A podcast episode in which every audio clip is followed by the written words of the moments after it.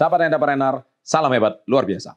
Jumpa lagi di edisi kali ini, uh, channel Success Before 30, yang mana channel ini sekarang sudah mau menuju 2 juta subscriber. Oke, terima kasih dukungannya, karena di sepanjang 2019 ini, prestasi kita sangat luar biasa. Sudah lebih dari 15, 500 video kita upload, dan nikmati video-video yang sudah ada sebelumnya. Dan ini ada kaos yang saya pakai, ini limited edition 1 million SB30. Jadi ini kaos ketika kita mencapai sukses before 30 mencapai 1 juta subscriber. Nah, di topik kali ini saya akan bicara soal gimana sih mengendalikan diri saat kita lagi marah-marah dan bagaimana cara menghadapi orang yang marah-marah. Ya, kamu suka marah-marah nggak? Kalau suka marah-marah, tulis di kolom komen. Ya, tolong tuliskan. Oke, bagaimana caranya? Ada lima cara. Lima cara mengendalikan dirinya. Setelah yang satu ini.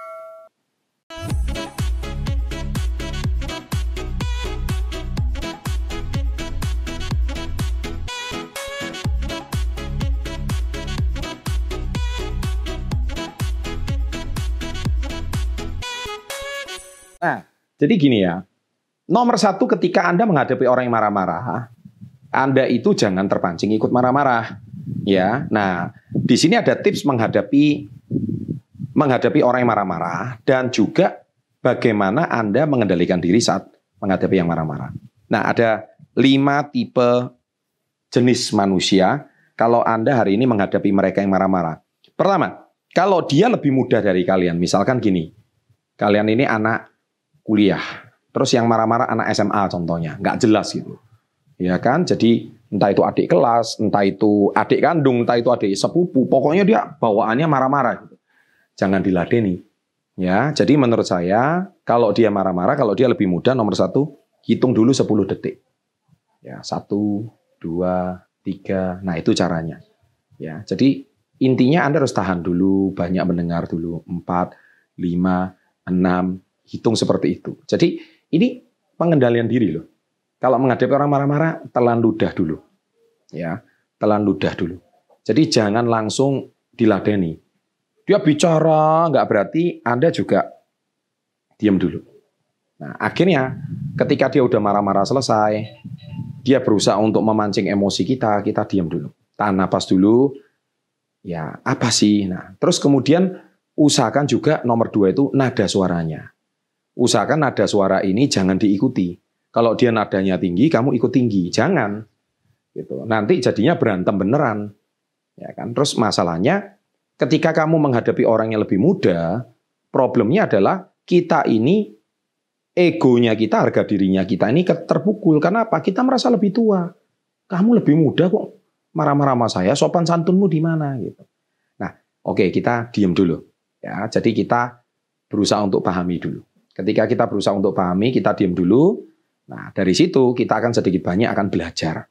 Ya. Nah, itu yang pertama. Yang kedua, cara menghadapi kalau dia seusia dengan kita. Nah, kalau kita seusia dengan kita, nah ini kan biasanya egonya juga tinggi kan apa?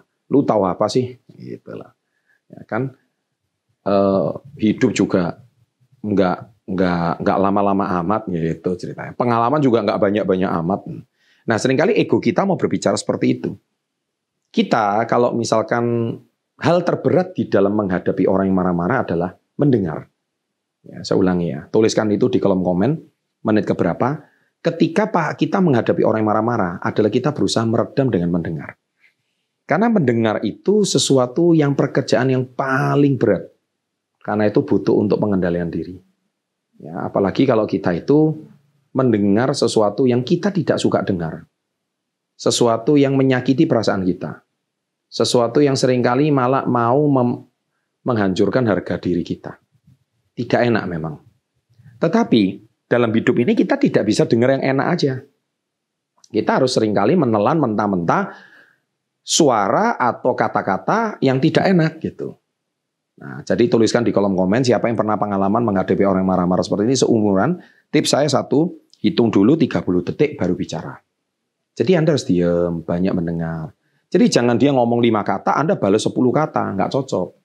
Tidak ada ketemu sebuah perbincangan yang uh, selesai. Tapi kita berusaha coba dipantau, dia ngomong apa.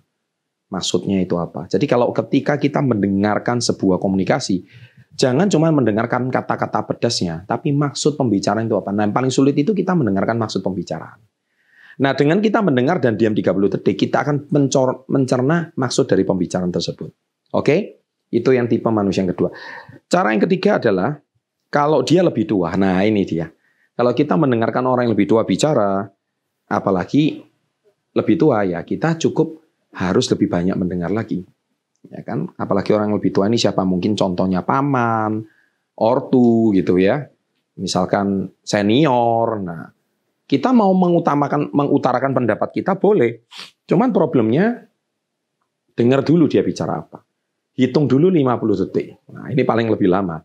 Kalau tadi seusia, sekarang lebih lama lagi, 50 detik. Karena hormati orang yang lebih tua. Ya, hormati dia bicara.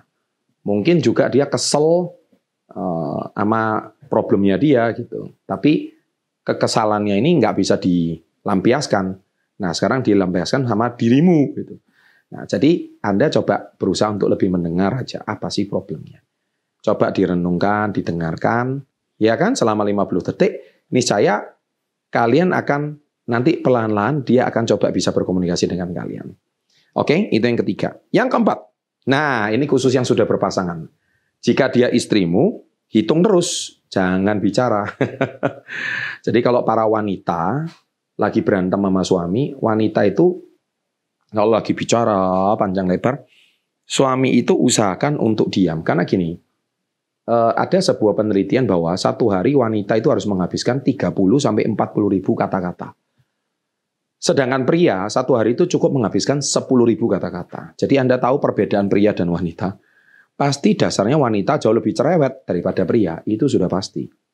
Ya, jadi kalau wanita, kenapa demikian? Itu penelitiannya itu ada, ada bukunya. Ya, jadi eh, sebuah penelitian itu makanya kalau pria menjual barang sama seorang pria, pria itu paling gampang kalau menjual barang sama pria. Tapi kalau menjual barang sama wanita, wanita itu akan nawarnya jauh lebih hebat daripada pria. Itu memang demikian. Jadi kalau istrimu itu lagi ngoceh, lagi cerewet, lagi marah, diemin aja. Biar hitung terus. Jadi ngitung itu maksudnya diem gitu. Oke, didengerin dulu. Nanti sampai dia udah habis kuota 40 ribu kata-katanya, Nah, itu biasanya dia udah jinak dengan sendirinya. Tuliskan itu di kolom komen, oke? Yang kelima. Nah, sekarang kalau yang ngomel itu suami Anda gimana? Nah, jadi gini, kalau yang ngomel suami, ya sudah, kita hari ini mau bicara apa ya? Yang penting kita lebih baik karena suami itu kalau udah lagi dongkol itu kadang-kadang uh, dia bawaannya bete ya. Jadi seperti yang tadi saya katakan, pria itu 10.000 kata-kata, wanita itu 40 ribu kata-kata. Coba cari apa yang hari ini dia pengen dengar gitu. Ya kan? Coba hari ini cari apa yang dia inginkan dan yang dia butuhkan. Cari kesibukannya terus. Ya, mungkin Anda bisa lihat video saya 5 bahasa kasih. Di 5 bahasa kasih tersebut saya ada bicara tentang bagaimana cara kita menyenangkan pasangan kita. Bagaimana cara kita mempengaruhi anak kita, bagaimana cara kita mempengaruhi saudara kita. Karena bisa jadi bahasa kasihnya tidak terpenuhi. Bahasa kasih itu ada lima. Ada hadiah, ada waktu yang berkualitas, kemudian juga ada pelayanan. Yang dua apalagi? Tonton sendiri. Lima bahasa kasih. Itu ada video saya. Nah, ketika Anda menemukan bahasa kasihnya, ini saya di situ, Anda akan bisa tahu cara menjinakkan suami kalian. Oke? Okay? Nah, demikian eh, video kali ini saya buat. Semoga bermanfaat. Jangan lupa subscribe, like, dan komen di bawah menit keberapa yang menurutmu sangat bermanfaat dan tepat dengan dirimu. Oke, jangan lupa ada dua video ditonton and always salam hebat luar biasa.